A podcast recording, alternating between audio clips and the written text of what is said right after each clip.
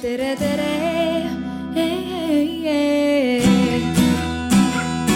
Eestimaa.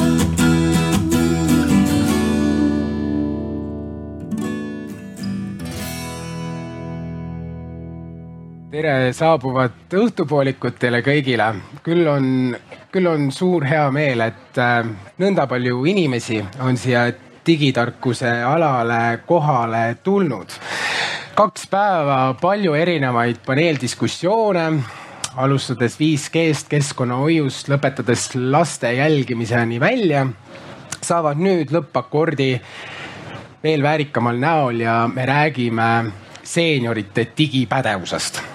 Minu nimi on äh, Karl Gustav Adamsoo, mina olen äh, küll töötanud Telias, aga võib-olla põhjus, miks ma kutsusin ähm, täna siia panelistid kui ka kõik teid kokku, on just äh, see, et nii enda bakalaureuse kui magistritöös ma sattusin uurima vanemaealiste digipädevust ja kuna see teema tõmbas mul niimoodi kuidas ma ütlen, sisemise leegi käima, siis, siis on ka see minu arvates üks põhjus, miks ma täna siin koos teiega olen. ja loomulikult vanemaealiste digipädevus on, ta on selline teema, mis puudutab meist kõiki, me võime niimoodi öelda, kas meie lähedasi, vanemaid, vanavanemaid, me ise jääme vanemaks, me elame kauem, me töötame kauem, aga samal ajal tehnoloogia ka muudkui võidukäigu peal sõuab oma randa ja me peame sellega kuidagi hakkama saama. ja vanemaealisi kindlasti ei tohi sellel teemal ka kõrvale jätta. aga kuidas meil olukord sellega on? Praegu hetkel äh, on see hea, halb, kuidas edasi, mismoodi, kas üldse edasi, kas seda on vaja, sellest me saamegi täna siis mitut pidi rääkida. aga ma olen enda kõrvale kutsunud väga väärika äh, panelistide seltskonna ja kõigepealt on äh, lava teises äärmises otsas on Margus Noorma, Riigi Infosüsteemi Ameti peadirektor. tere, Margus. suur rõõm, et sa täna meiega siin oled. siis järgmine härrasmees on Tiit Tilk kes on olnud täiskasvanute õpetaja just arvutite poole pealt. Tiit, peab see paika? jah. kui kaua, kui kaua me leppisime, et me sinatame, kui kaua sa oled olnud? üheksakümne neljandal aastal oli esimene kursus. üheksakümne neljandal aastal jah? Varsti saab kolmkümmend aastat siis võib-olla. noh, tuleb nii arvutada jah. ja ma saan aru, et isegi üks teos on sul äh, põlve peal kaasas, mida ja, sa saad pärast võtsin... näidata, et äh, sa oled isegi õpiku kirjutanud. selle kui oma visiitkaardi, et, et võib-olla keegi mäletab, et, et mismoodi algas veel, veel üks temaatika. saame siis sellel, sellega veel tutvuda. siis järgmisena, äh, nimetus on väga, järgmisel inimesel on tiitel väga uhke, Tallinna Ülikooli Eesti Demograafia Keskuse teadur Tiina Tambam tere, Tiina. aga samuti mina, mina olen suur Tiina fänn, sest minu pooled tööd ongi keskendunud Tiina erinevatele allikatele, uuringutele, mida ta, mida ta teinud on ja seda, seda sa oled teinud väga-väga pikka aega. sul on nimekiri töödest no, on. palju vähem kui Tiit. ja, aga nimekiri on igatahes väga pikk ja põhjalik mm. -hmm. et äh, tere tulemast, me saame täna väga palju sinult kindlasti tarku nii-öelda teadmisi teada, kuidas meil seis praegu siin Eestis on ja härra Rein, tere. tere, tere. Teie jõudsite praegu Tartust. tulin. Te olete väärikas eas meesterahvas, kes on päris digipädev. no ma ei tea, kas nüüd nii, aga mm, -hmm. aga jah Reinu, Reinu kohta ma pean küll ütlema, et Rein üllatas mind väga-väga positiivsel moel, kui mina, meie siia kõik alale jõudsime, siis Rein oli esimene inimene, kes võttis oma telefoni ja tegi minuga selfie mul ei ole kunagi seda juhtunud. see oli, oli üllatus. see oli väga positiivne üllatus, mul on väga-väga hea meel. nii et selles mõttes meil on väga tore seltskond koos, loomulikult lisaks tänu teile. ja hakkamegi siis pihta ja võib-olla kõigepealt ma, Tiina, küsiksingi teie käest, et äh, sinu käest et digipädevus on, on noh kujunenud sellisest nagu oskuste kogumiks või pädevuseks, mis on juba elementaarne, kui me tahame nagu tänapäeval siin ühiskonnas eksisteerida ja toimida. väga palju, noh, ma kujutan ette, et palju selliseid oskusi, teadmisi me omandame isegi nagu teadmata, et me sihilikult omandasime, sest me oleme kogu aeg tehnoloogiast nagu ümbritsetud ja, ja kogeme alati uut ja huvitavat. aga kui rääkida digipädevusest kui sellisest, mis oskused tegelikult sinna alla kuuluvad?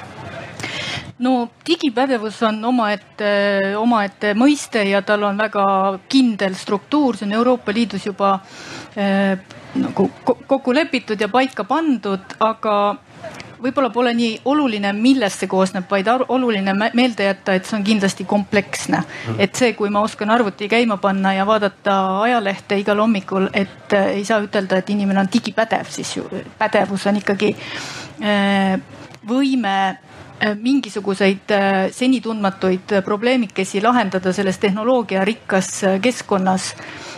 kui sa ei ole sellega varem kokku puutunud, aga mingisugused enamusoskusi on sellest olemas, mida vaja on. et aga mis on tähtsam selle digipädevuse juures on see, et ta on juba aastal kaks tuhat kuus kuulutatud üldoskuseks mis on ka väga normaalne kahekümne esimesel sajandil. üldoskus on, see tähendab, et igal kodanikul, absoluutselt igal kodanikul on seda vaja, et ühiskonnas hakkama saada. täpselt nagu kunagi sai üldoskuseks lugemine ja, ja kirjutamine ja äh, arvutamine ja neid on tänapäeval veel, aga ta on üldoskus ja üldoskus tähendab seda, et inimesel peab olema võimalik saada seda omandada kui ma tean, et äh, sa oled äh, väga paljude uuringute kallal töötanud. Ähm, kui digipädev praegu üks meie Eesti vanemaealine on?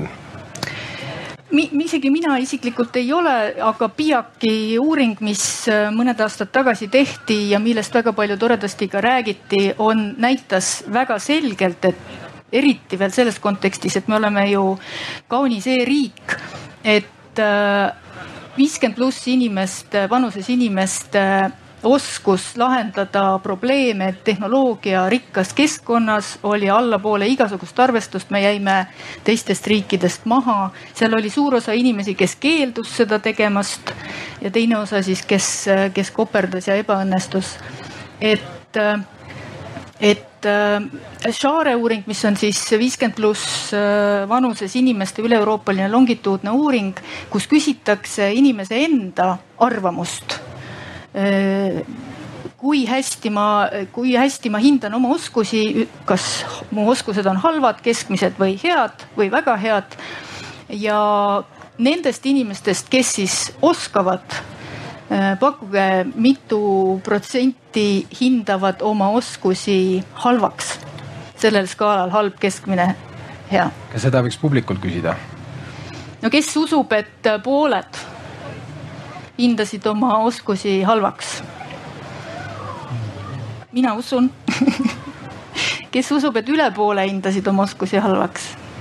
ja kolmest inimesest kaks, kes kasutavad internetiarvutit, hindasid, et tema oskused on halvad. ja me näeme ka Share uuringus, et äh, me saame, me küsitleme täpselt ühtesid ja samu inimesi igal teisel aastal ja me näeme, et see hinnang oma oskustele nendel inimestel pigem langeb. ja me räägime viiskümmend pluss inimestest siin uuringus. nii et äh, objektiivsel mõõtmisel võib-olla ei tule sama tulemus, aga kui inimene ise tunneb, et ta oskused on halvad, siis ta ei tunne ennast seal ka mugavalt, see on selge. kas sul on muidu teadmine ka olemas, et kuidas nagu võrreldes teiste riikidega meie halb. seis on? halb on jah? halb. no toome veel mõned protsendid, et äh, internetikasutajad äh, vanusrühmas viiskümmend viis, kuuskümmend neli, see on tööealine seltskond veel meil on äh, mittekasutajaid iga kuues ehk äh, kuusteist protsenti.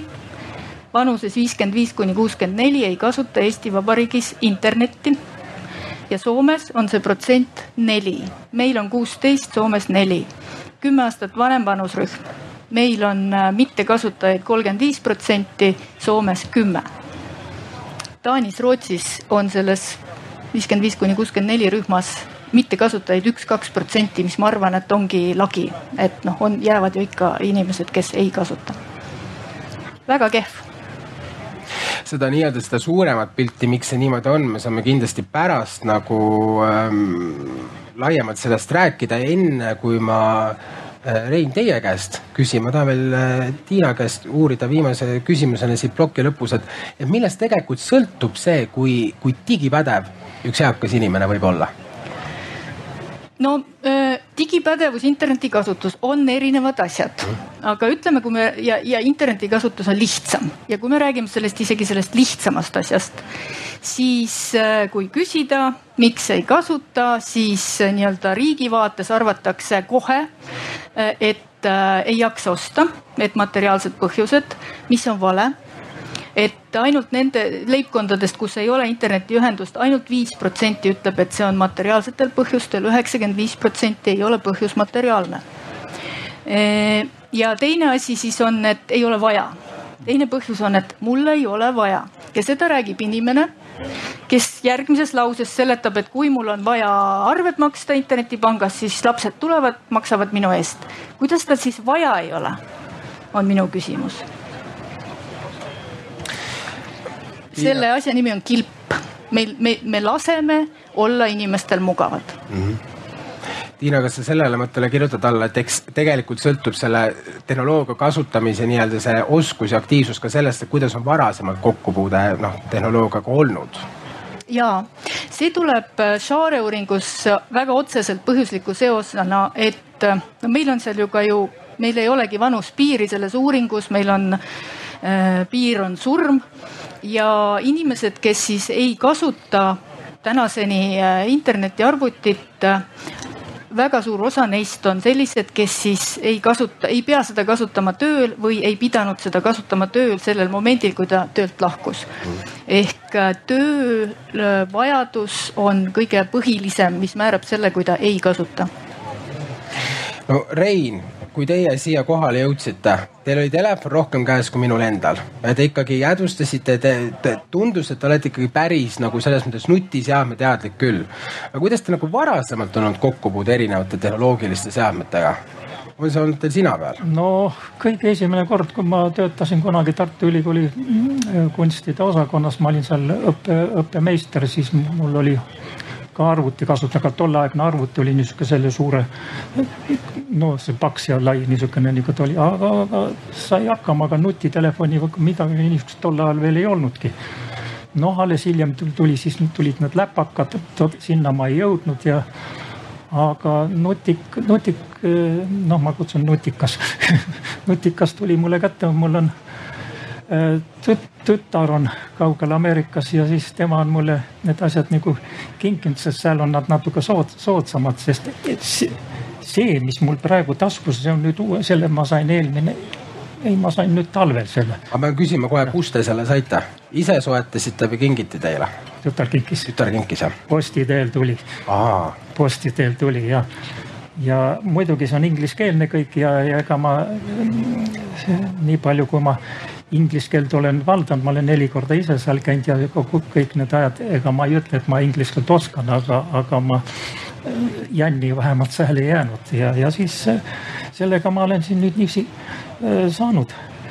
ja ega mul keegi aitajaid ja ausalt ei ole, sest laps on seal, tema õpetab mind, on õpetanud mind ausalt öelda telefoni teel, teel ka ja niiviisi ja, ja, ja siis selle video, videoga ja aga, aga mul on seal Lõunakeskuses, ma avastasin seal, et seal on niisugune müügipunkt nagu Ideal, kus müüakse neid ja, ja no lihtsalt nagu võtsin oma selle aparaadi välja, oo, sa oled niisugune hea, väga kihvt ma ütlesin, et jah, ja, ja, siis näit-, poisid näitavad kõik ilusti ära ja kui mul midagi jälle vajaka tuleb, see jääb mul muidu pähe kõik, mis, mis räägitakse. Või kui mul mingi jama siia sisse tuleb, ma olen ise kogemata teinud midagi, siis siis ma olen ka sinna läinud, sest mul ei ole tõesti kuskil kellegi poole, kellegi poole ei ole, keegi ei oska et te olete peamiselt siis nagu selle juba oma inimene, kes käib mõnikord küsimas? ja nad tunnevad mu ära. Mm, tunnevad ära, suurepärane, see on ju tore, et see koht on olemas. aga mis te teete selle telefoniga? mis ma teen? jah, te olete oma tütrega on ju kaugel. ei, ma teen siin palju asju. mis te teete seal?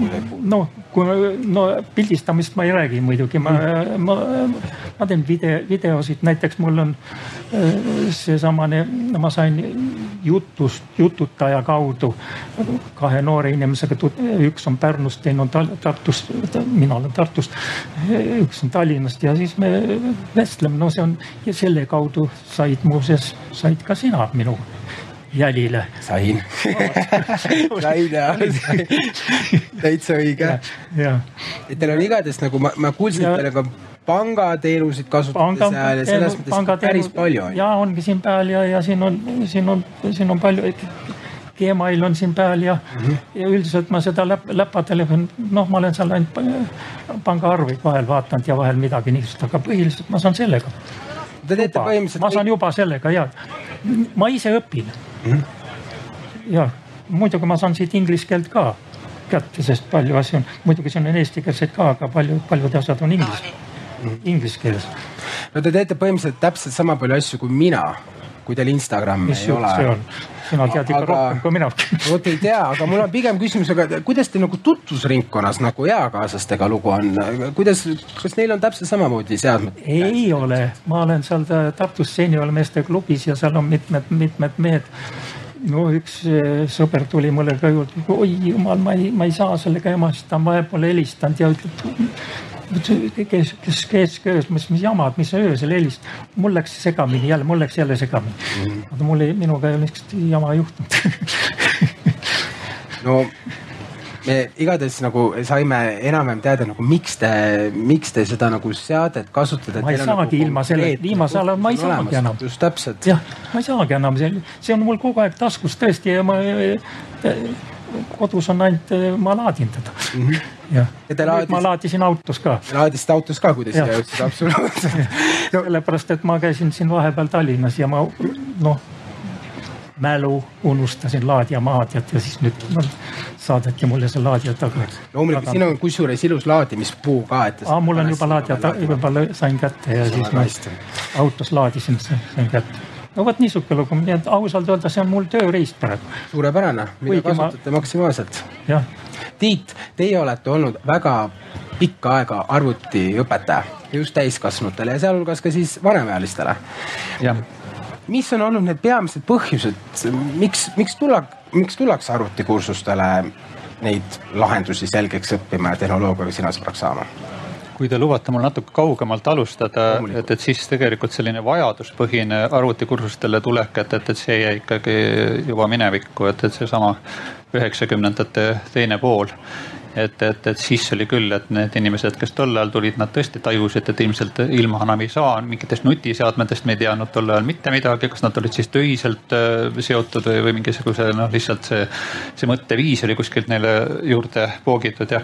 aga jah, käidi täitsa jah oma raha eest, et täiesti nii asutuste rahade eest ka ja, ja ja internetti oli tol ajal küllaltki vähe, nii et, et piristasime oma neid modemeid, niisugune kummaline, kummaline signaalik oli, võib-olla mingisugused uudised vaatasime üle, mingisugused teekirjad vahetasime ja et, et nagu rõhk oli ka kusagil mujal hoopis tol ajal ja aga praeguseks ajaks, et nüüd tõmmates jälle nõnda kiiruga naksti sellesse tänasesse päeva tagasi.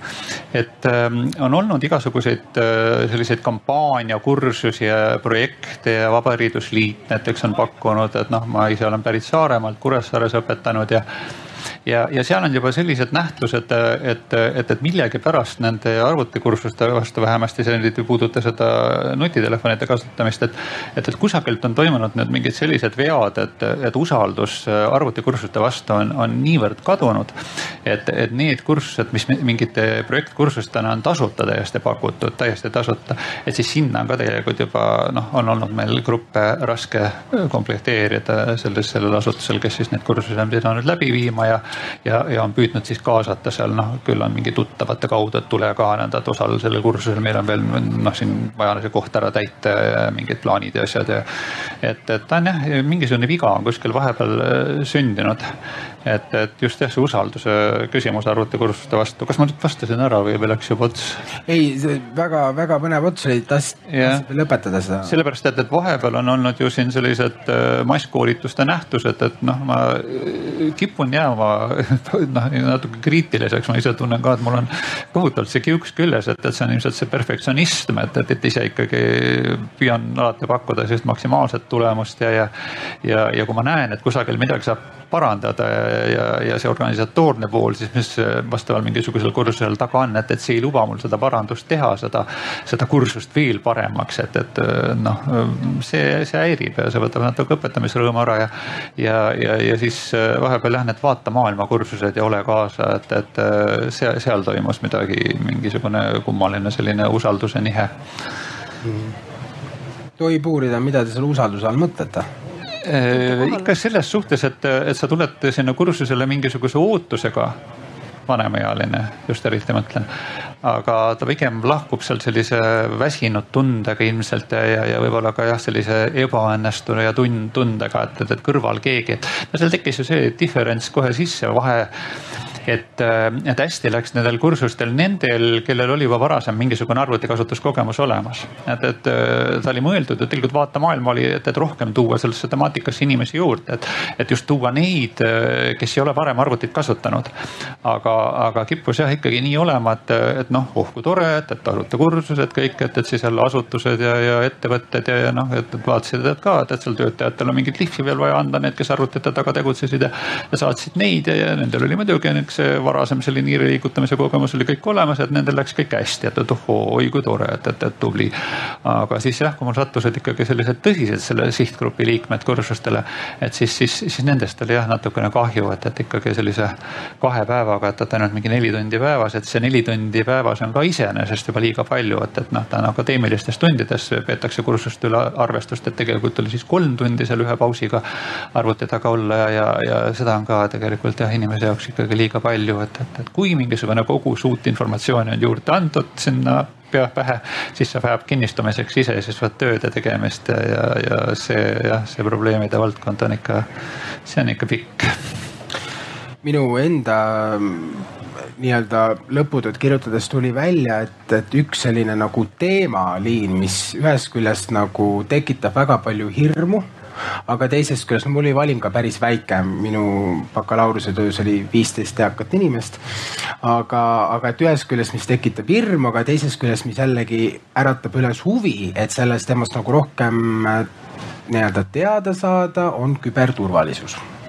ja, ja Margus, Riigi Infosüsteemi Amet on nüüd paar korda vedanud läbi IT-vaatlikku projekti ähm, kaks korda vist praegu täpsemalt olnud? Äh, üks kord. üks kord on olnud. Teil oli, kas teil teine oli mingi järellaine või teil mingisugune oli veel või nüüd on hoopis tulemas see teine kord? ei no iga, me üritame iga-aastaselt teha ühe kampaania vähemalt mm et üks oli see IT-vaatlik oli eelmine aasta neljandas kvartalis jah mm.. mida see projekt endast üldse täpsemalt kujutab?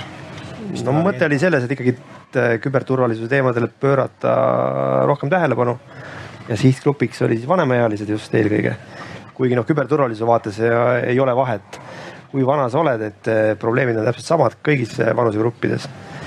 et pigem on see, et kes juba mingit eh, nutiseadmeid või siis arvutit kasutab, see ka konkreetselt ju tegelikult sihtgrupp on.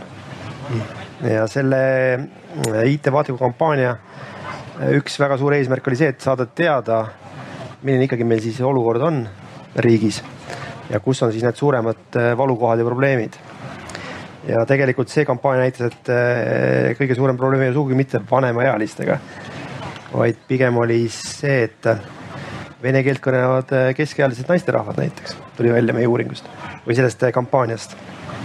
ja see näitas seda just, et kampaania oli suunatud ju eestikeelsele keskkonna peaasjalikult. venekeelset võib-olla keeleruumi haaras vähem ja seevõrra ka need noh, probleemid on seal võib-olla suuremad. ütleme meil siis sellises eestikeelses keeleruumis ja ma arvan, et noh, kui me oleks veel eraldi uurinud, ütleme mitte eestikeelseid eakaid, eks, et siis võib-olla seal oleks see pilt olnud veel eh, kurvem kui ütleme eesti keel, see eesti keelt kõnelevatele eakatele kas te saite midagi veel teada? ma mõtlen nagu, et kas oli nagu mingi selline asi veel lisaks sellele, et te saite teada, et eh, neljakümneaastased ja natuke vanemad vene keelt eh, rääkivad naised, kas midagi oli veel sellist, et kui sa selle projekti olite nagu läbi viinud, te saite näiteks seeniorite auditooriumi kohta teada? noh, selle projekti läbiviimise mõte ei olnud, eks ju, äh, nagu nii-öelda uurida, uuringut teha, vaid ikkagi äh, teha teavituskampaaniat.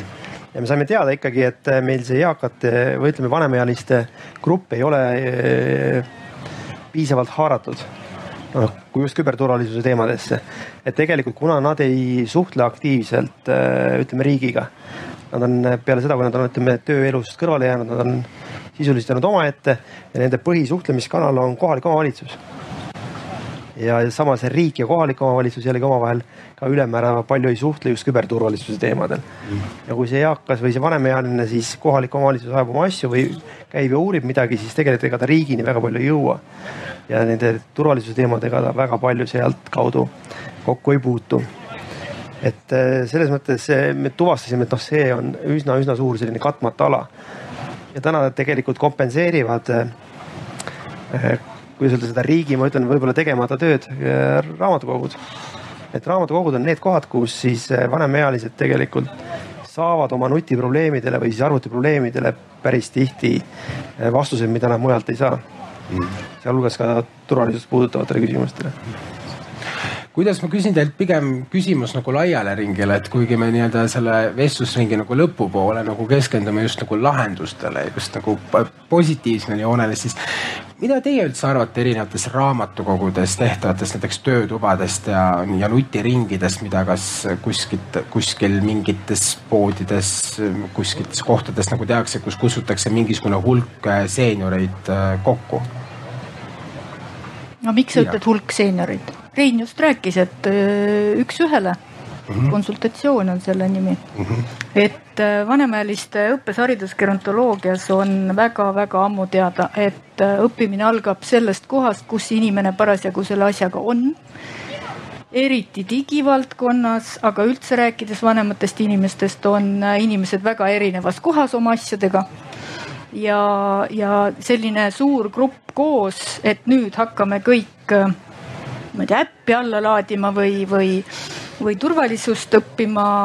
see ei, ei päde, sest igaüks on, on kuskil omas koordinaatteljestikus erinevates kohtades, et, et individuaalne õpe. noh, siis tekib küsimus selles kuluefektiivsusest, kuidas see võimalik on ja, ja jõuamegi raamatukokku ja, ja kogukondadesse ja väga hästi, et välja tuli, kohalik omavalitsus on see tasand, kes üldse saab aidata. et Äh, ja neid nii-öelda neid konsultante peab olema väga lai võrgustik. ehk me peame, Tiit ja teised peaksid koolitama konsultante, kes on kogu aeg võtta ja kes siis äh, oskaks individuaalõpet teha neile, kes, kes siis äh, seda vajavad, selles küsimus, mida ta parasjagu vajab ja ma tahaks seda ka rõhutada, siin alguses oli see suur pilt, et äh, väga valdav on arusaamine, et see probleem äh, nii-öelda sureb ise välja. noh, et äh, praegu, kes ei, kes ei kasuta, okei okay,, ei kasuta, aga ta ükskord sureb ära ja alt tuleb kasutajad peale, ei sure välja. et mida laiemalt on digivahendid kasutusel, seda suurem on lõhe noorte ja vanade vahel ja see jääb. sest tulevad uued vahendid ja uued oskused, mida sa pead juurde õppima mida ma tegelikult mõtlesin nagu selle, kuidas te muidu, võib-olla Margus, ma küsin teie käest, kuidas te viisite ka selle projekti raames läbi töötube? viisime läbi. kuidas need välja nägid?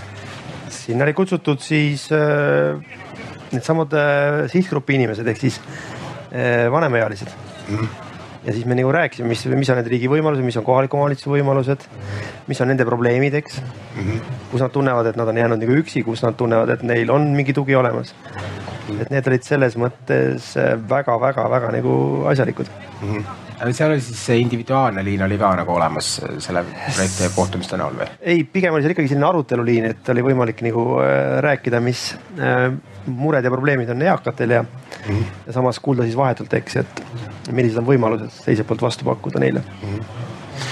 minul oli põnev, kui ma nüüd ähm, kirjutasin enda magistritööd, siis äh, Margus, äh, sinuga tegin ka, viisin läbi pisikese intervjuu mm. -hmm. ja ma viisin läbi äh, samuti intervjuu Signe Varendiga, kes töötas Veeriku koolis ja, ja vedas sellist äh, nutiabi grupi projekti, kus siis tema oma klassiga käis kaks korda kuus Tartu Tähtvere päevakeskuses vanemaealisi abistamas ja, ja siis oli, tuli täpselt seesama asi välja, et, et alguses alati kohtumisel oli selline suurem loengu auditoorium, kohale oli tulnud sada vanemaealist inimest, siis neil oli alguses loeng. Vaatepilt oli olnud tegelikult täpselt samasugune, et taga, taha, taga läksid sinna istuma, kellel tähelepanu vajus väga kiiresti ära või kes ei olnud huvitatud ja üleüldiselt nagu see, see, see ei teeninud oma eesmärki ja, ja siis ähm, kui individuaalseks läks kogu see õpe, siis, siis äh, läks see kõik väga toredaks ja vanemaealistel oli palju küsimusi, said targemaks.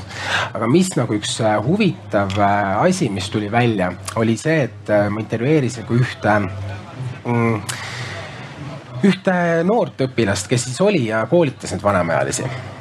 ja ta ütles sellise lause mulle, et ja mitte, ma ei kuulnud seda esimest korda, et et mul oli seda vanemaealist inimest palju parem õpetada ja mul oli nagu motivatsioon palju suurem kui oma vanaema, oma vanaisa kui ma sellise mõttepalli teile õhku visan, et õpetada võõrast eakat on mingil moel tulemusrikkam kui enda oma lähedast. kas te toetate seda mõtet, miks see võib niimoodi olla või panete sellele tule otsa? see vastab täielikult uuringute tulemusele, et äh, võõrast inimest, mitte pereliiget äh, on võimalik äh, ütleme vähema närvikulu ja, ja tulemuslikumalt õpetada kui oma pereliiget, sellepärast et kõigepealt pereliikmetele on teatud ootused. ja kõik see varasem suhete ajalugu on seal taga. pluss pereliiget nähakse teistmoodi, teiste silmadega kui võõrast vanemat inimest ja see ei ole ka eelistatud sellepärast, et siis see ei tee, tekita mitte midagi vanuse stereotüüpidega, et kui, kui lähe, lähedane õpetab lähedast, siis need stereotüübid nii-öelda jäävad ilma väljakutseta.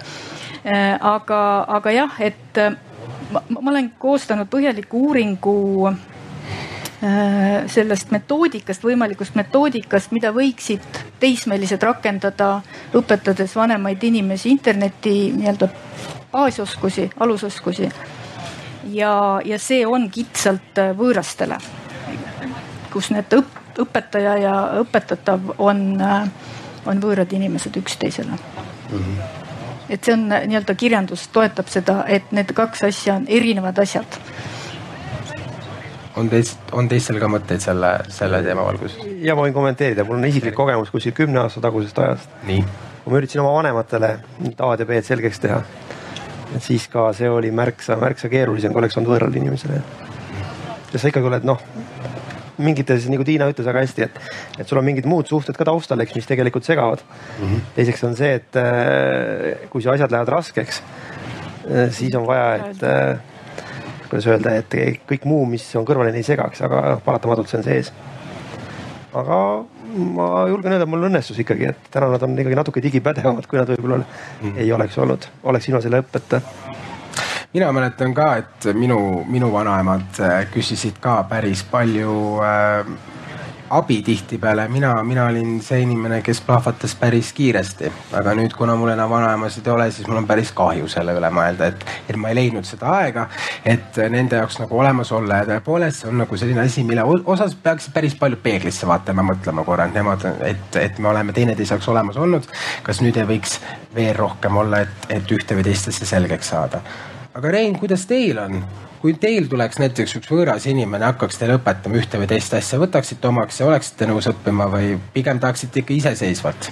mul on nagu iseseisvalt nagu isegi, isegi parem, aga oleneb see, kui võõras nüüd ta tuleb õpetama, ega ma õppuse, õppuste vastu ei ole mitte midagi, muidugi, mis on vaja, panen ikka kõrva taha kõik, sellepärast et noh, elu on ju meil juba niiviisi näidanud, et et elu läheb edasi ja see, need asjad arenevad kogu aeg ja ülikiiresti mm. -hmm. ja enne seda ma tahtsin ühe loo veel rääkida. loomulikult, nii, mis lugu on?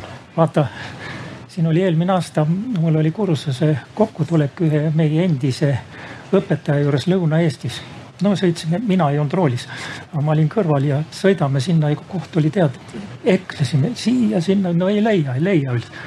ma mõtlesin, et oot-oot-oot-oot, stopp võtsin selle välja. mis see koht oli, kus me pidime, tooks siis panin siin, kohe tekkis mulle see trajekt, olime kohal. ei, sa olid ainus, kes võttis niimoodi telefoni ja. välja kursuga. keegi teine ei tahtnud seda? ei, neil ei olnud. Neil ei olnudki telefoni no., see oli teema hoopis, okei okay,, selge, saan aru aga selles mõttes te, te, sa ütled praegu Rein, et sa tahad iseseisvalt tegutseda.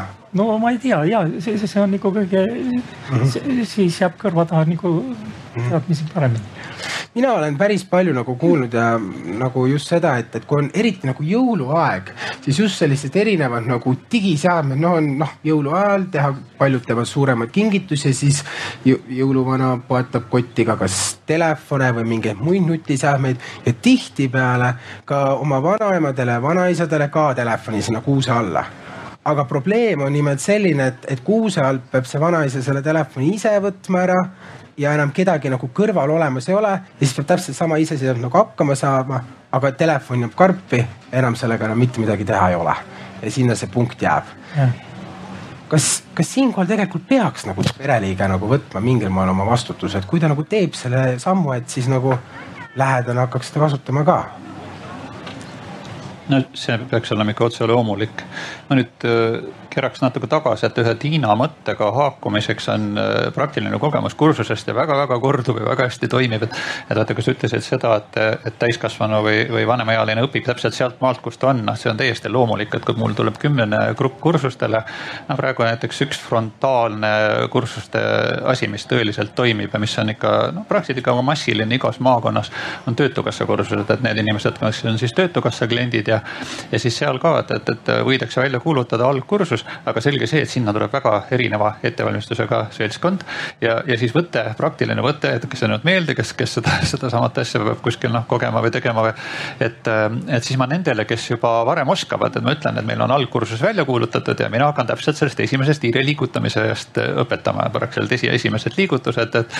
ja, ja siis, et teie, kes te varem oskate, et te õppige nüüd praegu seda, et kuidas see juhendamine käib jätke see meelde, püüdke aru saada, et, et kui kaua see aega võtab ja, ja, ja võib-olla siis sedasamat kogemust saate siis rakendada täpselt kellegi enda tuttava peal, mõne vanemaealise peal, kelle peal te kokku puutute, et, et siis te, siis teil tekib mingisugune ettekujutus, et, et, et kaua see võib aega võtta.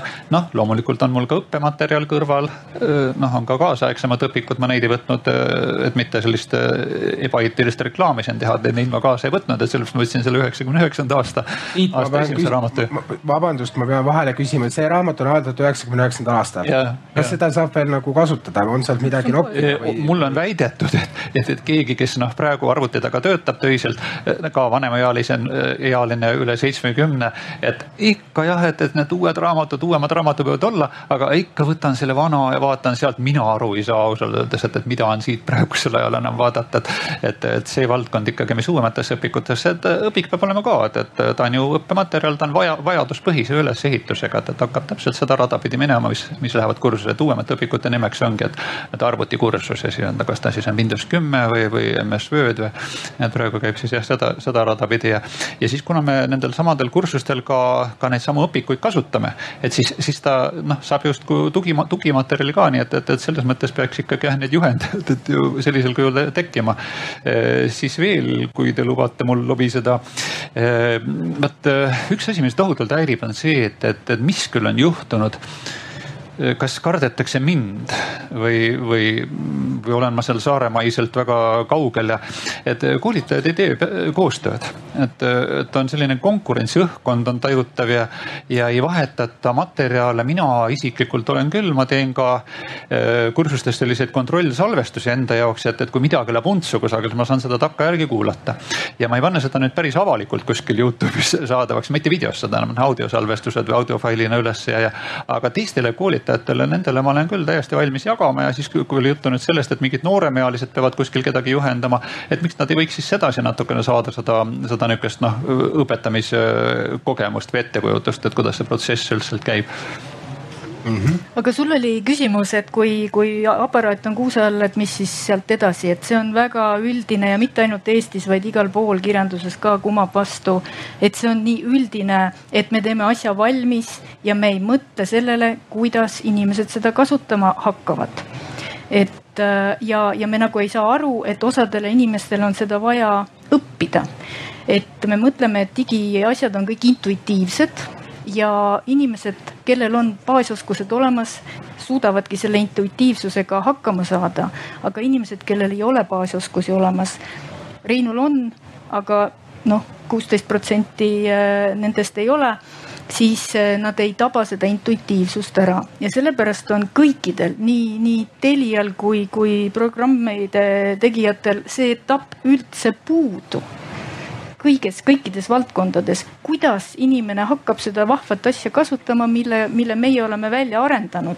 ja ma toon näite, mis on ka digi tegelikult, eh, sest seal on ju ka mobiiliga vaja, on see linnaratas, et, eh, et kuidas ma siis selle alla laen, selle linnaratta äpi ja siis ma selle ratta sealt võtan ja pärast korralikult tagasi viin ja olles, elades Glasgow linnas, see asum, kogukond tegi pühapäeviti linnarattamatka, matkasid ja asi ei olnud mitte matkamises, et sõidame kõik koos, on vahva, vaid õpetati, kuidas ratas võtta, kuidas pärast ratas ära anda, nii et pärast ei tiksu sulle mingit arvet. ja seda tehti korduvalt ja korduvalt ja sul on selles kogukonna asumis on, on ikkagi personaalne inimene, kes vaatab eh, ja vastab su küsimustele, vaatab, et sa korrektselt teed. ja see võtab aega, see võtab nii palju aega, et te lihtsalt ei kujuta ette, kui palju on vaja aega selleks ja seda nagu meil pole ette nähtud. ja sellepärast ongi väga lihtne ütelda, et ma ei kasuta ma ei kasuta, sest ma võin eh, kõrbeda kasvõi materiaalselt, eh, kui ma seda hakkan ise pusima kas selle teema osas, et ma ei kasuta ja see, et ma ei ole nagu sellest huvitatud, tegelikult võib seal lihtsalt olla taga see, et ma mõtlen just nagu lähedaste poole pealt, et ma noh, ma ei oska, isegi sisimas võib see huvi nagu olla, aga ma ei taha nagu eriti nagu küsida, sest ma tean, et ma teen tüli ja ma võtan liiga palju aega. Jah, see tüli tegemine, sellest vist võime me siin kõik rääkida, et see on meil kõigis hinges ja, ja siis sa tead, et see võtab palju aega ja siis sa raiskad teist aega, aga siin käib kogu aeg eh, nagu läbi lähedane ja lähedane ja lähedane, et miks seda mobiili seal kuuse all peab õpetama lähedane. Mhm. miks ma ei või paluda Reinu või miks ma ei või paluda äh, raamatukogust või mis on nagu minu selline lahendus, kui me ükskord sinna jõuame, et äh, igas äh, külas, kogukonnas on koolid ja vanemad äh, vanusega õpilased, neist peaks saama need tuutorid äh,, kes on mingitel nädalapäevadel, mingitel kellaaegadel nii-öelda olemas, avatud. Ja, ja see inimene ei pea ootama oma lähedast, kes kahe kuu pärast tuleb ja siis on tal väga kiire, vaid ta saab siis vastuse, kui tal see küsimus tekib aga vaatame korra lähedaste poole, kas keegi siit äh, publikust on nõus jagama enda äh, kogemust, kui on kuuse alla pakk pandud, kas on, kas on lähedased vanemad on hakanud kasutama või kuidas on see nii-öelda sisseelamine läinud? on kellelgi mingit lugu jagada? või ei ole? sul on? ops, võta nüüd. Nonii, et äh, jah, oli ta nüüd kas kuuse all või sünnipäevaks, äh, kui sai tõesti nutiseade kingitud ja juhendamist jah, me panime telefoni koos tööle. ja, ja see hetk siis võib-olla paar esimest asja näitasin ära. aga võib-olla natukene siis vanavanemate puhul on, võib-olla ei ole see tüüpiline stereotüüp ehk et tegelikult edasi on ta küll kõik ise õppinud ehk et, et sealt ütleks küll, et on, on minu vanaisa on küll digipädev, aga mina seda õppeprotsessi, eks ju, nii-öelda kuidagi väga oluliselt toetanud ei ole tema puhul. et, et noh, selles mõttes on kindlasti olemas ka erandeid. aga jah, üldine probleem, millest me siin täna kõik räägime, eks ju, noh, tegelikult on täitsa olemas on kellelgi veel soovi jagada? nii, meil on soovi jagada, kas sa viskad, viid, viskad, vii edasi, siis on kena.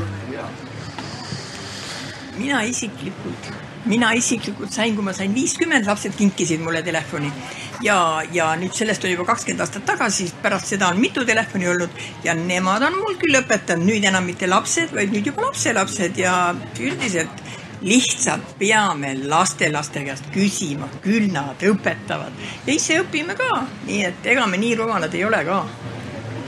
absoluutselt ei ole. nii, võtame kuuli, selle kuubiku tagasi?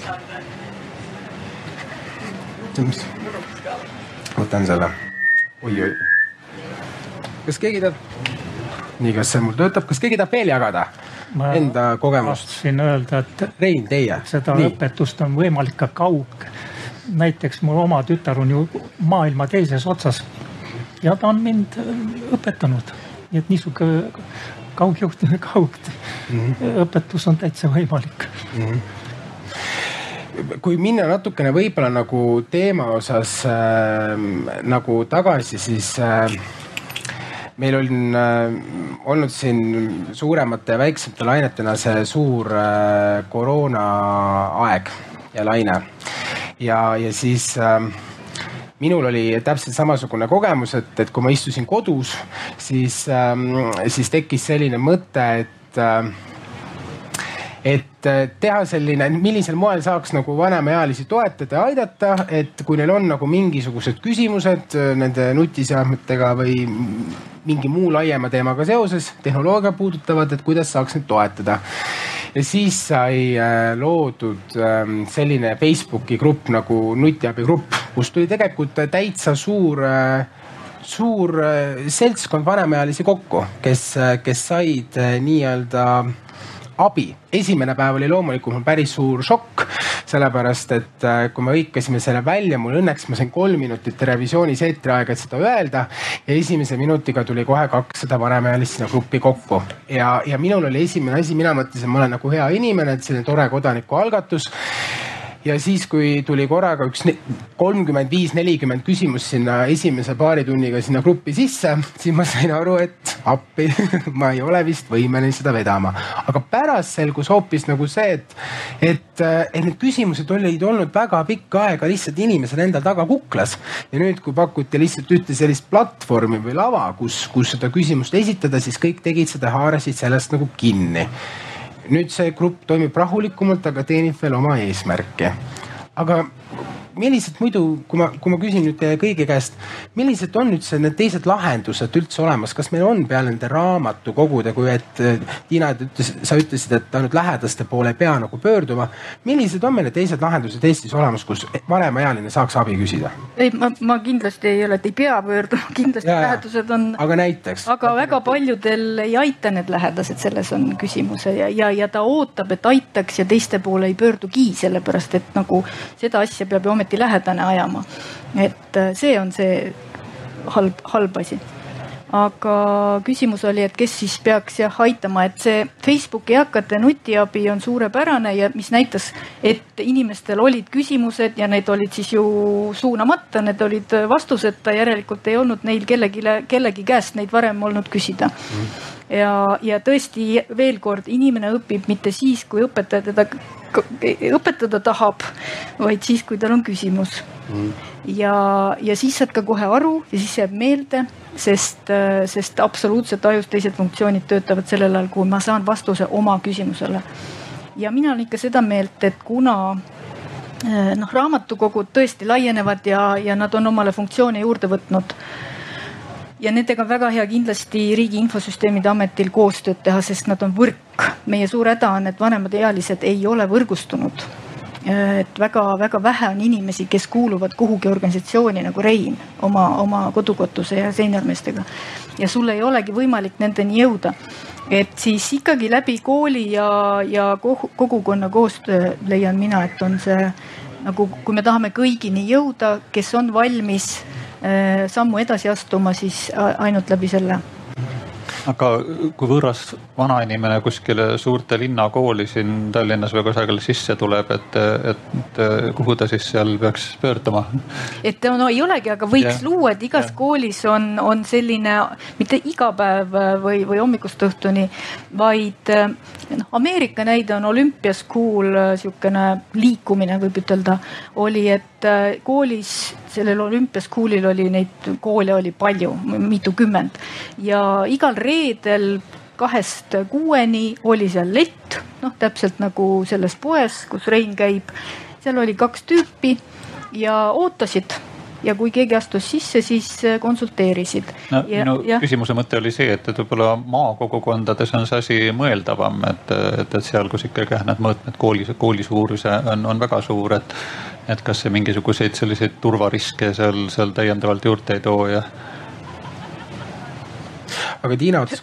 turvariske nüüd ma ei saanud aru, et tuleb äh, ja see tahab no. panka saada ja siis ütleb. jah, midagi kasvõi sinnapoole või siis ka niisuguste võõraste inimeste nagu juurdepääs koolidesse, lihtsalt kooliruumidesse sisse ja, ja, ja see vist on ikka reguleeritud. see on see nüüd, et kes need kaks tüüpi seal leti taga koolipoisid või tüdrukud on ja see on äh, ka haakub teise teemaga, et kas igaüks, kes oskab kasutada, on võimeline õpetama et kindlasti mitte. õpilasfirma siis võiks olla? kindlasti mitte, need, kes siis on konsultandid, need peavad väikse väljaõppe saama ja muidugi siis ka selle turvateema mis puudutab turvateemat ja seda IT-vaatlikku kampaaniat, siis selline üldine minu kriitika on, et, et kahjuks tänavatele ja üldisesse meediasse jõuab vanemaealiste digipädevuste teema läbi selle suure küberturvalisuse filtri ehk äh, mida mittekasutaja või vähekasutaja kuuleb. digimaailm on üks kohutav koht ja miks ma peaksin seda õppima, kui see on nii kohutav koht. et kui me liikluses äh, õpetame paralleelselt kasutama ja räägime riskidest koos, siis on see no loomulik, aga meie praegu siin digimaailma liikluses kõigepealt raiume, kui õudne see koht on ja siis kutsume, et hakake kasutama. see ei tööta üks punkt, millest ma tõesti siit veel, Tiina, sinu jutust veel haaran, mäletan, Margus, kui ma sinuga intervjuu tegin enda töö jaoks, siis ütlesid täpselt samamoodi, panin nagu hüüumärgi kõikesid välja, et, tegelikult noored inimesed ka, kes nagu koolitavad, koolitavad vanemaealisi välja, ega nende teadmiste, teadmised ja oskused ei pruugi olla ka eh, üldse head ja nad võivad hoopis neid vigu nagu sisse õpetada ja pärast on olukord palju hullem. aga Tiina vaatas korra sinu suunas Margus, et mis on nagu Riia plaanid, olete te nagu sellel teemal ka nagu kätt pulsil hoidnud, on teil midagi plaanis, on teil mingeid mõtteid, kuidas nagu vanemaealiste poole seda teemat suunata? nagu ma ütlesin, et ega Riia ei ole ju tegelikult äh, kunagi võtnud nagu fookusesse eraldi ainult äh, konkreetseid vanusegruppe. Mm vaid kui me räägime küberturvalisusest, siis me räägime ikkagi küberturvalisusest selles vaates, et kõik, kes kasutavad mingisuguseid digilahendusi, nutiseadmeid, arvuteid, mida iganes, eks. et nad oleksid teadlikud, et nad teaksid, mis on need kohad, kus nad võivad eksida ja kus neil see eksimine võib olla väga kallis ja väga kulu-, valus loomulikult eh, võib-olla see hirmutab vanemaealisi rohkem, eks ju. et eh, me räägime rohkem sellest, et mida sa ei tohi teha, kui sellest, mida sa võiksid teha või peaksid tegema, eks. noh, samas see küberturvalisus on iseenesest ühest küljest tõesti konkreetne valdkond ja ütleme, kogu see digipädevus on hästi lai valdkond, nagu me siin korduvalt oleme täna ka rääkinud, et, et see pädevuse tase, ütleme seenioritel on väga erinev. mõni on väga osav, ta pildistab, ta, ma ei tea, arvutiga käib vabalt ümber, eks, tahvlitega saab hakkama. ja teine on see, kes ei julge isegi ID-kaardi kuskile panna, eks ju. ja, ja neil ei ole ühte sellist eh, head eh, loosungit või ühte head kampaaniat, millega sa neid nagu edasi aitad ja seetõttu ma näen, et see küberturvalisuse kampaaniad on äh, vältimatult vajalikud niikuinii. Need põhimõtted kehtivad kõigi jaoks, kes kasutavad ja, ja võib-olla Riigi Infosüsteemi Amet ei olegi see, kes saaks nagu just eakatele kuidagi rohkem nagu fokusseerida just selle digipädevuse vaates. küll aga küberturvalisuse osas kindlasti ka läbi sellesama raamatukogude võrgustiku, läbi selle, et me oleksime võib-olla kohalikel omavalitsustes rohkem kohal ja ligemal eakatele. et need, kes juba kasutavad, et neid aidata nagu kasutada turvalisemalt. Sest et eh, eakate puhul on ka, et iga eksimus tegelikult eh, ja kui see väljendub rahas, eks, et see on väga-väga kallis. ja seda nagu, kuidas öelda, inimesed, kes niigi kasutavad digilahendusi, kuidas ma ütlen, kasutavad digilahendusi selliselt, et noh, et jah, ma teen selle ära, see on minu jaoks raske, eks. ja kui ma nüüd saan vastu näppe sõna otseses mõttes või keegi kuritarvitab seda, siis eh, järgmist korda ei pruugi enam tulla, et ma ei, ma ei taha kasutada, eks. Mm.. et selles mõttes Tiina jutt on õige jah, et, et võib-olla see mõjub ka hirmutavalt eh, teinekord. aga noh, midagi pole teha. no mina olen niisuguste asjadega võrdlemisi ettevaatlik olnud no. Mul on sealt tahetud igasuguseid sõpruskondi ei tea kust luua, ma, ma ei ole lahtigi teinud täitsa, nii et kommenteerin üks, üks erinevus, mis tuli välja ka kampaania käigus, oli see, et, et kui noortele sa kogu aeg seletama, mida sa ei tohi teha, eks siis, äh, sest nendel on igavene komme äh, igal pool klikkida, iga, kõiki asju vaadata, kõike uurida. et see uudishimu on hästi suur, siis vanemaealistel on pigem jah see, et äh, nad on juba konservatiivsemad, nad ei kliki igasuguseid asju, nad ei äh, lähe igasuguse üleskutsega kaasa või et keegi ütleb, et tule nüüd. ja vajutame kõik koos seda ja vaatame, mis juhtub, eks või et sa võitsid viiskümmend miljonit eurot järjekordse internetiloteriiga, et, et vanemaealised õnneks skeptilisemad, et see iseenesest juba natukene hoiab tagasi aga tegelikult, kui noh, selles mõttes see küberturvalisuse teema, kuigi üks konkreetne liin, aga näiteks kui me võtame noh, meedias kui tervikuna, kui satuvad jälle eetrisse need lood, et äh, vanemaealine sattus ühe rünnaku alla või ohvriks või pettuskeemi ohvriks, mis iganes, siis noh, see ilmselgelt loob nii suure hirmufooni, et ei, ei juleta ühte või teist asja kasutada, sest selle seadme sees on see miski, mis võib-olla teeb mulle ka nagu liiga. aga siis nii-öelda sellise digiteadlikkuse poole pealt lihtsalt üks mõte, kas siis võib-olla peaks kaardistama ära, kes on nagu nii-öelda, see kõlab küll võib-olla väga julmalt, aga digi, digi nagu võhikud või nii-öelda need, kes, kes lihtsalt ei ole digiteadlikud ja võtta need inimesed kõik kokku, et hakata neile suunama. kellel on hea sõna, algaja. algaja, see on tõesti hea.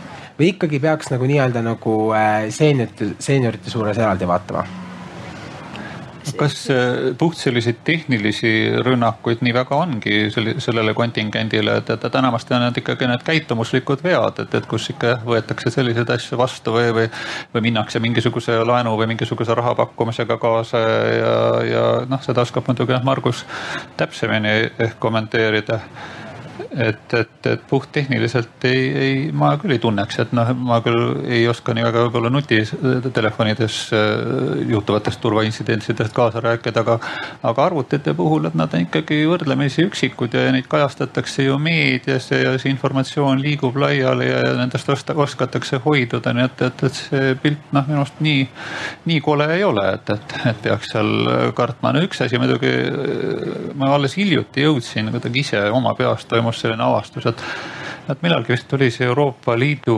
äh, sellist tüüpi reegel, et, et need kuukid, küpsised, et, et iga leht, mis küpsiseid kasutab, siis ta peab küsima kasutaja nõusolekut, ehkki need küpsised on olnud nende lehtede küljes juba seal, ma ei tea, aastast kaks tuhat või. aga, aga lihtsalt jah, ei, ei olnud sellist kohustust, et, et nende küpsiste kohta see, see nõusoleku seal nõustun või jah või mingisugune yes või okei okay tuleks klõpsata. ja vot äh, see on selline paha koht tegelikult, et tal on täiesti absoluutselt vastupidine efekt, et, et, et, et kuna harjutakse neid küpsiste peale neid okeisid panema, siis ka mõne sellise asja peale, mille peale ei tohiks panna, ta peab ikkagi seda küpsiseks selleks samaks, eks ole, millele ta kogu aeg nõustuna on pannud ja, ja. ja, ja, ja, ja võib siis nagu oma arvutile mingisuguse pahalase seal, seal sisse tekitada ja. aga noh, muidugi jah, see, need lehed ja, ja need veebilehed, mida vanemaealised kasutavad, et noh ikkagi käiakse oma neid tuntud radu, vot igasugused infoportaalid, ajalehed, et, et noh, see eestikeelsete lehtede puhul jälle see oht nii suur ei ole, et, et niipea kui vanemal inimesel hakkab tekkima vajadus midagi kuskilt välismaalt võtta. võib-olla ma räägin praegu iseendast, kuna ma olen ka viiekümne üheksa aastane, võiksin ka sellesse gruppi kuuluda ja, ja ei, ei ole hea tunne, kui mul on midagi vaja mingitel välismaisetel lehtedel teha neid, nende küpsiste neid jaatavaid vastuseid panna ja ei viitsi alati lugeda ka, et mis see nüüd täpselt on. nii et, et see on jah, selline jah, kummal, kummaline asi, et võib-olla Margus kommenteeriks selle üle. ja ikkagi ütleme, et küberkuritegevus, kui natuke lihtsustada, eks, siis ta ikkagi peaasjalikult äh, taandub sellele, et noh, õngitsetakse. keegi ei hakka või reeglina ei hakata üritama siis tehniliselt sisse murdma kuskile kellegi arvutisse. kui see arvuti on kaitstud vähemalt elementaarselegi tasemele, eks ju. et tänasel päeval olukord selles mõttes on parem, et, et reeglina ikkagi, kui juba arvuteid müüakse, eks ka opsüsteemi tasemel on mingisugused juba turvameetmed rakendatud ei olnud veel eriti ammu aega tagasi, kui esimene, esimene hoogu, kui sa endale Windowsi arvuti ostsid, ehk siis sa pidid hakkama paigaldama seal tulemüüre ja ja, ja, ja nii kui sa internetikaabli siis arvuti külge pistsid, ehk siis oli sul juba üksjagu pahavara arvutis sees, eks ju, mida sa hakkasid kohe välja rookima. Et äh, täna on mõnevõrra lihtsam ja täna ei pea ka ütleme arvuti kasutamisel kogu aeg midagi alla laadima. et need uuendused toimuvad automaatselt taustal reeglina ja ütleme inimeste turvalisuse vaates on see parem aga õnge minnakse ikka klassikaga, helistatakse, öeldakse, et me oleme nüüd siit või sealt, eks ju. ma ei tea, sotsiaalhoolekandeasutuses, eks meil on vaja kindlasti kohe sinu paroole või kasutajanime, eks, et või PIN koodi. ja nüüd, kui ollakse väga veenvad, eks siis vahet ei ole, kas see on vana inimene, noor inimene, eks, et kõiki on võimalik ära lollitada ja sellega tekitada kahju. ja noh, teine, teine klassikaline näide on eks emailid, eks ju. ma usun, et kõik on saanud küll Nigeeria printsidelt ja ma ei tea, kellelt iganes maile, kus siis on tegu pärandusega või on loteriivõitude ja muu sellisega, eks. et eh, see on klassika ja see tõenäoliselt ei kao ja see ongi kõige suurem mass, millega tegelikult siis seda eh, inimesi nagu rünnatakse. kõik on tuttav ma tahaks, tahaks seda rõhutada, et miks see nagu vanematel inimestel on tuleb ette ja lihtsamalt on, et me, nagu ma enne ka ütlesin, vanemad inimesed on vähem võrgustunud. no kõigepealt oma sotsiaalvõrk kuivab kokku, sõbrad lahkuvad siit ilmast, juurde ei teki ja kujutage nüüd ette, et kui me saame printsilt äh, kirja, siis äh, tööl kontoris, äh, kui ise aru ei saa, küsid, et vot mis asi see on, vaatame koos, ühesõnaga me suhtleme teise inimesega ja nii-öelda tekib nagu see tarkus kahe peale kokku. aga kui vanem inimene on üksi, meil on kolm koma seitse protsenti viiskümmend pluss inimestest, kellel pole mitte ühtegi inimest, kelle, kelle poole pöörduda talle olulistes asjades siis ta võtabki need otsused ise vastu ja need ja sellepärast neid ka rohkem rünnatakse võib-olla, sest see on ju teada. nii et äh, võrgustuma peab, tuleb hoida kontakti, käia klubis äh, ja, ja, ja küsida, teha suu lahti, kui mingi imelik asi tekib et, et see, need asjad on seotud omavahel. seal tahetakse nii, sekkuda. ja Puubik, vabandust, nii nii, minul on selline küsimus, kuna Rein ka alguses mainis, et see, kus ta on abi saanud, on tegelikult sisuliselt on ju klienditeenindus mm. -hmm. et, äh, et kuna ka, kus see nagu see digipäevast tuleb, on see, et, et see takistab inimestel te, noh, teenuste kasutamist, on ju. et kui me räägime siin mingid teleteenused või, või mis iganes, et, et kuivõrd see juba on või see võiks olla tegelikult nagu klienditeeninduse rida, et kuidas see nagu praegu toimib Äh, ja et noh, mis roll nagu sellel võib olla, sest noh, see on nagu reaalne vajadus, et teenusepakkuja võiks ka ju tegelikult huvituda, et võimalikult paljud tema kliendid saaksid seda teenust äh, digitaalselt kasutada. Mm. -hmm oih, nii suur tänu küsimuse eest, ma, ma võin korra ise vastata seda, sest äh, mina tulin Teliasse tööle aasta aega tagasi ja, ja mina nüüd tahan seda eakate teemat vedada väga kirglikult, aga mis on nagu mina olen lihtsalt nagu aru saanud, et äh, seesama see ressurss kui aeg kui ressurss, et nagu selle leidmine, seda noh seda võiks olla nagu rohkem, seda võiks nagu, sest ikkagi, kui me võtame nagu individuaalselt nii-öelda seda lähenemist, mis teeniks nagu oma eesmärki, siis, äh, siis äh, selle jaoks on vaja aega. aga ma ise nagu sisimas nagu tunnen, et võib-olla see on natukene pseudoprobleem, et selles mõttes, et, et kui, kui proovida mingi need asjad ära ja teisest küljest jällegi ju, et kui noh, ma mõtlen puhtalt kasvõi ettevõtte tasandil, et kui, kui klient, kui eakas on rahul ja ta teab, kuidas üks asi toimib, siis ta ju, siis ta on ju ka kõrval ja ta kasutab neid ju lahendusi ka maksimaalselt, et selles mõttes see on ju ka vastastikune aga, aga mul on lihtsalt tunne, et, et sellele lihtsalt võiks rohkem tähelepanu pöörata. ma ei tea küll, kuidas, kuidas teie nagu klienditeeninduse ja, ja siis üldise klienditeeninduse ja eakate abistamise osas no Rein, mina. Rein, kuidas teil kogemus on? no siis, kui ma seal ID-l käisin, nendel on oma, oma töö, ega mina nende tööd ei sega mm.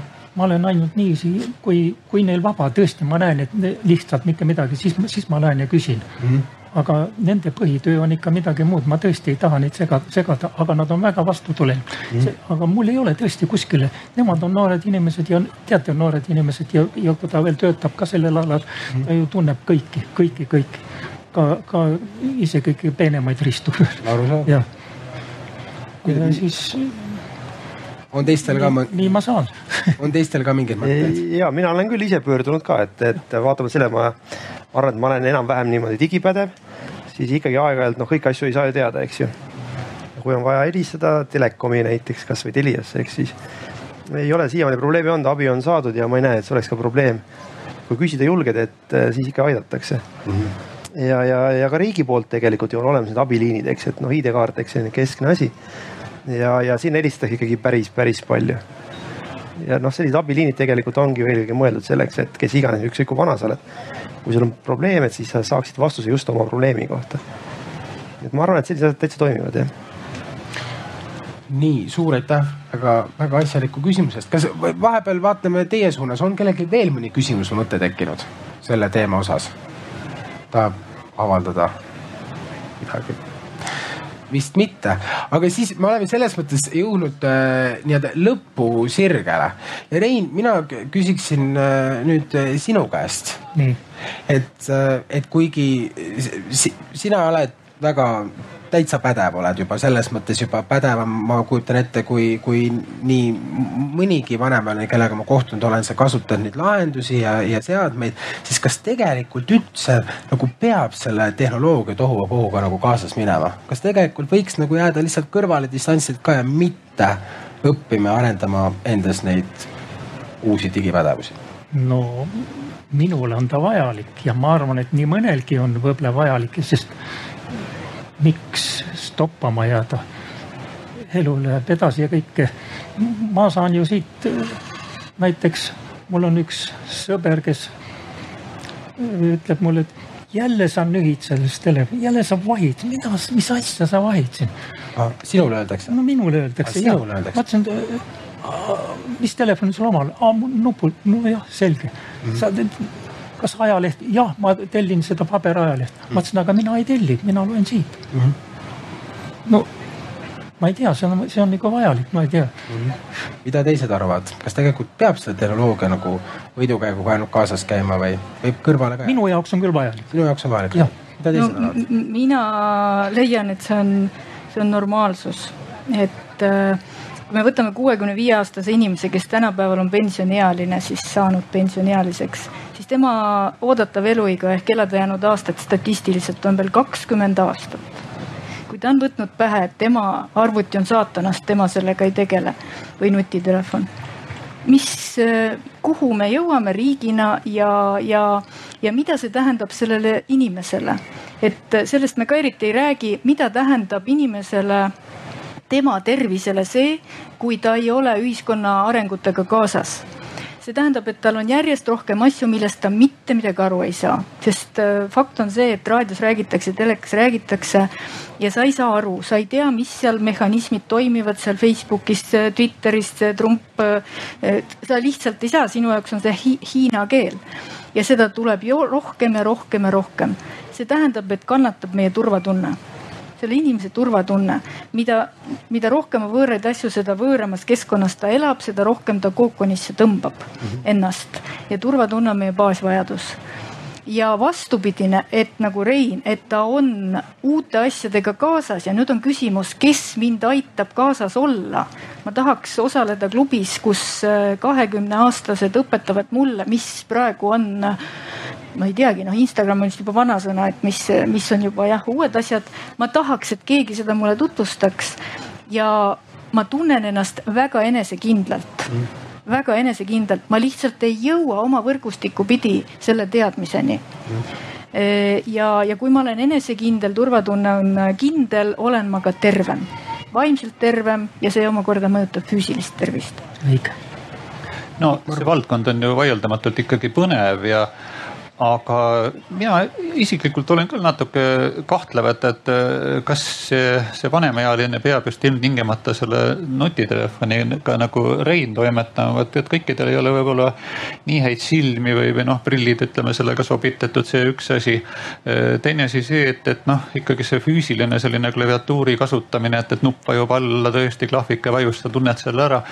ma ei saa sellest üle, et, et, et see on ja jääb mugavamaks võrreldes sellega, kui ma pean neid neid noh, pisikesi neid, neid äh, klahvipildikesi sealt äh, telefoniekraanilt vajutama ja, ja et, et, et eks see sõltub jah elurütmist, et noh, ma ise olen ka võib-olla selline paha näide isegi tänasesse teemasse, et, et, et kuna ma nagunii kogu aeg kodus ju arvuti taha pääsen ja olen ja kasutan ja, ja mu töö õpetajana seotud samamoodi, et, et, et sõidan oma kümme kilomeetrit sealt äh, Kuressaare ligidalt maalt linna ära ja jälle maandun arvuti taga.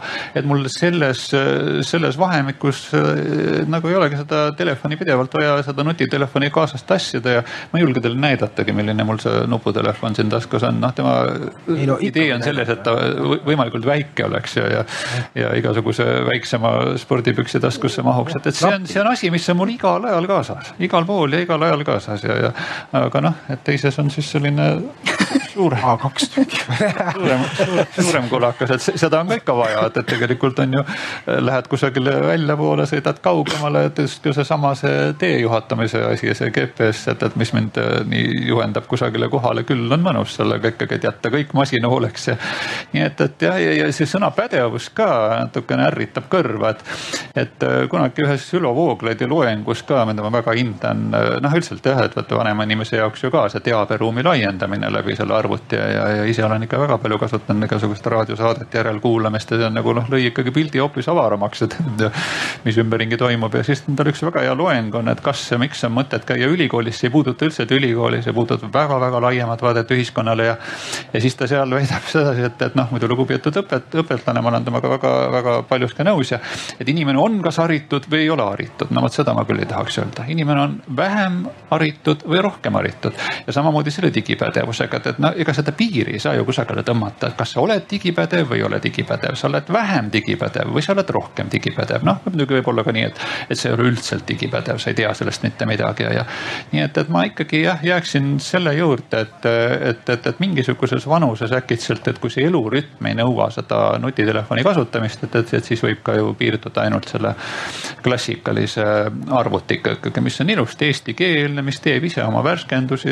võib-olla keegi noorem inimene aeg-ajalt peab, peab vahetevahel üle vaatama, aga, aga mitte ka väga seda, et arvutit ei pea lihtsalt väga keerukaks konfigureerima ja, ja aga eh, mul on ka mõni selline tuttav, et, et kellel jah, lihtsalt olude sunnil on ta pidanud kas ostma siis selle nutitelefoni või on lapsed selle pähe määrinud ja siis ta oli väga tige ja isegi loopis seda, et, et see võimalikult kiiresti katki läheks, et ta saaks oma nuputelefoni peale tagasi tulla ja. aga, aga siis, kui tal see lõpuks ikkagi õnneks ka katki läks, mitte enda loopimise tõttu, sellise isikliku pingutuse tõttu. et, et siis ta ka ikkagi valis seda, et noh, kumba ta nüüd ostab, et kas ta ostab tavalise nuputelefoni või ostab selle nutitelefoni. ostis nutitelefoni selle tõttu, et sellega saab pilte teha, fotosid, noh vahva. aga internetipaketti ta selle peale ei ostnud, nii et, et täiesti kummaline, et, et, et taluda seda, seda suuremat aparaati taskus ja siis mitte olla internetis, et see on mu jaoks ka täiesti noh, nii arusaamatu ja oh, sellest võiks jutustama jääda. Margus, sinu mõtted? no esimene ikkagi tingimus on see, et vägisi kedagi nagu targaks ei tee või kellelegi asju ei õpeta, et kui tal endal huvi puudub, et siis nii on, et paraku.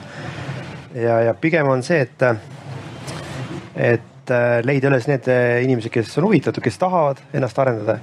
ja reeglina on ka, et need inimesed saavad hakkama, nad leiavad varem või hiljem ikkagi mooduse, kuidas see teadmine endale saada ma päris ei ole sada protsenti nõus sellega, mis Tiit ütles, et noh, et arvuti on ikkagi turvalisem valik ja, või kindlam valik kui ütleme nutiseade. et pigem arvutiga ikkagi tänasel päeval veel kaasneb rohkem keerukust kui ütleme näiteks noh, kasvõi tahvelarvutiga, kus ikkagi saad äh, ka suurema sõrmega ja vähem osavana võib-olla lihtsamini hakkama ja sul on vähem vaja seal toimetada, ütleme ja see on ka turvalisem pisut kui ütleme tavaline lauaarvuti või sülearvuti nii et mina olen jah seda meelt ikkagi, et äh, võimalused peavad olema. et äh, need, kes ei oska, need saaksid abi. ja vägisi kedagi nagu sundida väga keeruline. Ina mina jään eriarvamusele, et äh, kui inimene ütleb, et teda ei huvita digimaailm ja ta ei ole selle kasutaja ja ta ei tea, mille kohta ta ütleb, siis kuidas me saame seda tõsiselt võtta? ta ei tea, mida ta ei tea et äh, meil on väga valdav arusaamine, et vananemine on igaühe inimese nagu isiklik asi. ja teised sellesse ei puutu. Tegelikult äh, nii nagu me oleme keskkonnaaktivistid, me peaks kõik olema ka vananemiskeskkonna aktivistid ehk see, kuidas inimene vananeb, sõltub kõikidest meist ümbritsevatest inimestest. ja kui me isegi ei anna signaali et äh, ma tutvustan sind Reinuga, kes kasutab neid asju ja tema suudab sulle rääkida, miks on sellele inimesele selline asi kasulik. ja, ja tutvustan sind veel viiendale ja kuuendale inimesele, et inimesel tekib üldse valik see, kui ta ütleb, et teda ei huvita ja ta pole sellega kokku puutunud, siis see ei ole tema valik, vaba tahe, vaba valik seda mitte kasutada. Et äh, meie, mis, mis nagu sõnum on, et äh, meie peame stimuleerima, olema stimuleeriv keskkond vanemate inimeste arenguks. nii et nemad saaksid ise teha adekvaatseid otsuseid, mida nad teevad ja mida nad ei tee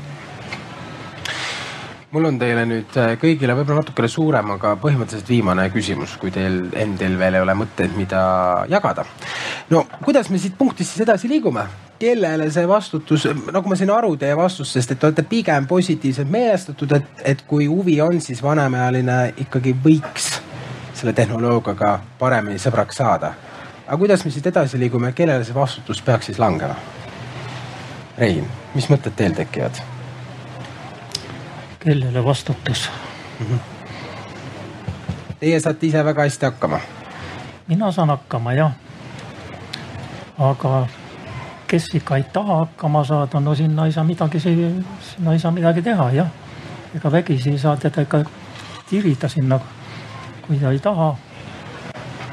aga mina leian, et minul on see vajalik ja, ja võib-olla mõnel teisel minuealisel on vajalik, aga kahju, et, et neid on ainult vähem. Aga, aga ma, ma ei oska praegu see, mm -hmm. selle küsimusele Tiina, mis mõtted teil tekivad? no kui sa küsid, et kellel on vastutus, siis ikka inimene, iga inimene vastutab iseenda eest ise, sõltumata tema vanusest. see on ja, ja see ei ole ainult niimoodi inimestel, kellelt on võetud ära või noh, kellel on eestkostja et see on ikkagi päris hull olukord juba. nii et kõik, kes on ikkagi valimisõiguslased ja tal ei ole eestkostjat ametlikku, vastutavad iseenda ja oma otsuste eest ise aga kuidas need otsused tekivad? vot see vastus, vastutus on meil et kui vanainimene laseb oma leierkasti jälle, et oh, arvutid on teiste jaoks ja, ja mina olen juba sellest äh, asjast väljas, siis tuleb vastu hakata. Olgu see siis sinu isa või ema või vana, vanaisa või võõras inimene et äh, see signaal jõuaks talle ükskord kahe kõrva vahele, et see ei ole normaalne. ja, ja mis teine asi on, on koha, mis ma arvan, et on kohaliku omavalitsuse vastutus on, nagu ma alguses ütlesin, see on üldoskus, digi, digioskus on üldoskus. sul peab olema võimalus, kuhu inimene saab sisse astuda, et siis targemaks saada. see võimalus peab olema kohalikul omavalitsusel korraldatud ja mitte projektidena, ajutisena, et äh, kord igas jaanuaris, kord kolme aasta jooksul, vaid pidevalt. Tiit. vastutus on ka minul, kes ma õpetan, aga võib-olla ka siis eriti nende ees, et, et, et kes siis said osa sellest, sellest perioodist äh, kümme aastat, aastast äh, üheksakümmend üheksa kuni kaks tuhat kümme, kui ma järjest igal aastal ühe arvutiraamatu tegin, noh, see ei puuduta küll nüüd seda nutielu ja nutitelefone. ja, ja, ja siis ma nüüd äh, noh, vaatasin, et, et mis siis saab, kui ma, kui ma neid ei tee ja ja, ja, ja nüüd siis on paar tükki jälle, jälle juurde tehtud, et tegelikult ju õppimiseks on ikkagi erinevaid teid, et ega siis see kursus ei pea ainuke olema ja. ja, ja kui see raamat sobis kolmekümne ühele tuhandele õppijale, võib-olla ka rohkem, et, et käis käest kätte. võib-olla osad on muidugi, esineb ka sellist nähtust, et, et ostetakse tark raamat, see ei pruugi ainult arvutiraamat olla, pannakse riiulisse ja siis arvatakse, et noh, et nüüd on tarkus olemas, et, et justkui noh, ennast turvalisemalt tunda mingisuguses valdkonnas ja aga ikka jah, et, et eks, eks minagi, kes ma siin mingit teatud koolitustüüpi õpetama pean, et, et peaksin ehk aktiivsemalt veel, veel sekkuma sellesse korralduslikku poolt, olema julgem oma sõna kaasa, kaasa ütlema, et, et, et kuidas nendest koolitustüüpidest selline parem tulem saada, et, et ikkagi rahvas nõnda et need, kes veel ei ole arvutite juurde jõudnud, no ma ütlen kasvõi needsamu töötukassa kursused, ehk sinna tuleb ju ka rahvast saadetakse sunniviisiliselt ja siis ma tõesti näen, et osad on nii, et, et, et nad ei jää ikkagi arvutit kasutama ja et, et ja, midagi me saaksime ikkagi veel, veel, veel kõik koos ja, ja mina ise teha. väga laialivalguv ja, ja ebamäärane jutt sai, aga, aga tunnistan, mina isiklikult muretsen selle teema pärast, pärast päris hoolega, päris tõsiselt ma pean, äh, Tiit, äh, veel küsima sinu käest, palju on sul ülevaade, kui palju sinu profiiliga, ma mõtlen noh, mitte täpselt, aga palju neid täiskasvanute arvutiõpetajaid üldse meil Eestis praegu on? kellel on see, et, et mina pean seda ikka veel edasi vedama või sa oled ainus? ei, minul ei ole jah seda ettekujutust selle tõttu, et äh, ma olen püüdnud algatada selliseid koostöölisi, et, et me võiksime kas infomaterjali vahetada ja aga millegipärast jah, sellesse, sellesse koostööst ei taheta nii väga väga nendest algatustest osa, osa võtta ja, ja noh, ma ei taha nüüd väga ühe, ühe asutuse suunas ka nii, nii kogu seda kriitikat ajada, aga aga eks seal oli ju ka need põhimõtted, et, et noh, et, et näiteks selle töötukassa kursustel on nii, et, et, et nõutakse, et, et sa oleksid täiskasvanud koolitaja kvalifikatsiooniga ja sul ei pea üldse seda arvutiõpetaja kvalifikatsiooni seal taga olema, nii et, et see. et kust sellised rõhuasetused tekivad, ei, ei tea mina, et, et noh, täpselt samamoodi on minu käest küsitud, et noh, et kas ma mingisugust tööklubi või mida ma elu sees teinud ei ole, et, et selle tõttu, et mul on see täiskasvanu koolitaja kvalifikatsioon vastu kutseeksam tehtud. et ma, kas ma võiksin seda juhendada, no absoluutselt mitte kui siis ütleme seal arvutiõpetajad ka osad võib-olla sellise puuduliku kvalifikatsiooniga on, et. et see teeb jah natuke nõutuks, et, et ikka saaksime väga-väga armsalt sellist äh, positiivset õpetamiskogemust vahetada. mulle tundub nii. Margus. no põhiküsimus kindlasti, et äh, kuidas ikkagi jõuda nendeni, kes ei taha või kes on kuidagi üksi, eks. nagu Tiina ütles ka, et need protsendid on ikkagi olemas, täitsa arvestatavad ja, ja, ja ükskõik kui palju ka kohalik omavalitsus ei pinguta, eks nende inimesteni ei pruugi niisama lihtsalt jõuda. kindlasti on riigil võimalik äh, palju rohkem ära teha, kui on tehtud praegu.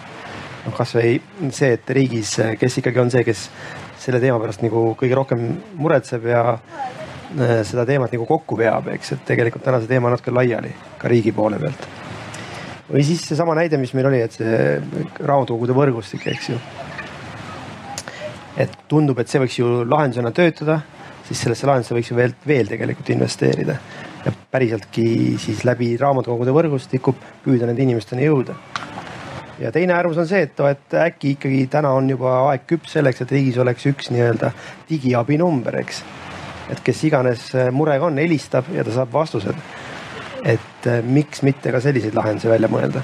kes selle digiabinumbri võiks ära teha sinu enda unel, unelmates vaimupildis? Ma näen, et äh, tegijaid riigis väga palju võib-olla ei ole, aga üks võib-olla, miks mitte Riigi Infosüsteemi Ametis mm. -hmm. väga hea see, ma väga toetan seda mõtet mm, -hmm. sest äh, koroonaaeg, see number, mis siis välja hüüti ja kuhu võis, äh, kus julgustati, seda peab ka selle numbriga juurde olema, et julgustati, et lolle küsimusi ei ole. et inimene ei jätaks helistamata mm -hmm. oma madala enesehinnangu tõttu see töötas ju väga hästi, see number. Ja ma ei tea, kui palju seal töötajaid taga oli, kes, kes paralleelselt siis vastasid, aga, aga ma arvan, et see oleks päris hea mõte. Aga ma tahaks veel lisada seda, et siit ju lipsas ka läbi, et mis on ikka päris üllatav, et enam ei nõuta mitte mingisugust kvalifikatsiooni professionaalse koolituse läbiviimise ja ja läbiviijalt. puudub metoodika, puuduvad metoodikud, need on niisugused imelikud arhailised sõnad juba, mida mina kunagi füüsikaõpetajaks õppinuna Tartu Ülikoolis, et. et meil ikkagi seda poolt saime ikkagi väga-väga hoolega ja et, et, et, et kuidas siis see nüüd nii vähetähtsaks on muutunud? et äh, mis puudutab kogu vanemaealiste valdkonda, siis see on väga valdav, et äh, ühtepidi me arvame, et kui me oskame digiasju kasutada, siis me oskame seda ka õpetada või, või kui eh, noh, see seesama näide. Ja kuni selleni välja, et eh, raamatukogudele pannakse ülesandeid tegeleda vanemate inimestega, aga teadmisi, kuidas seda teha ja millis, millised võivad olla täiesti valed arusaamad ja stereotüübid, mida need raamatukogu töötajad rakendavad, seda ei ole.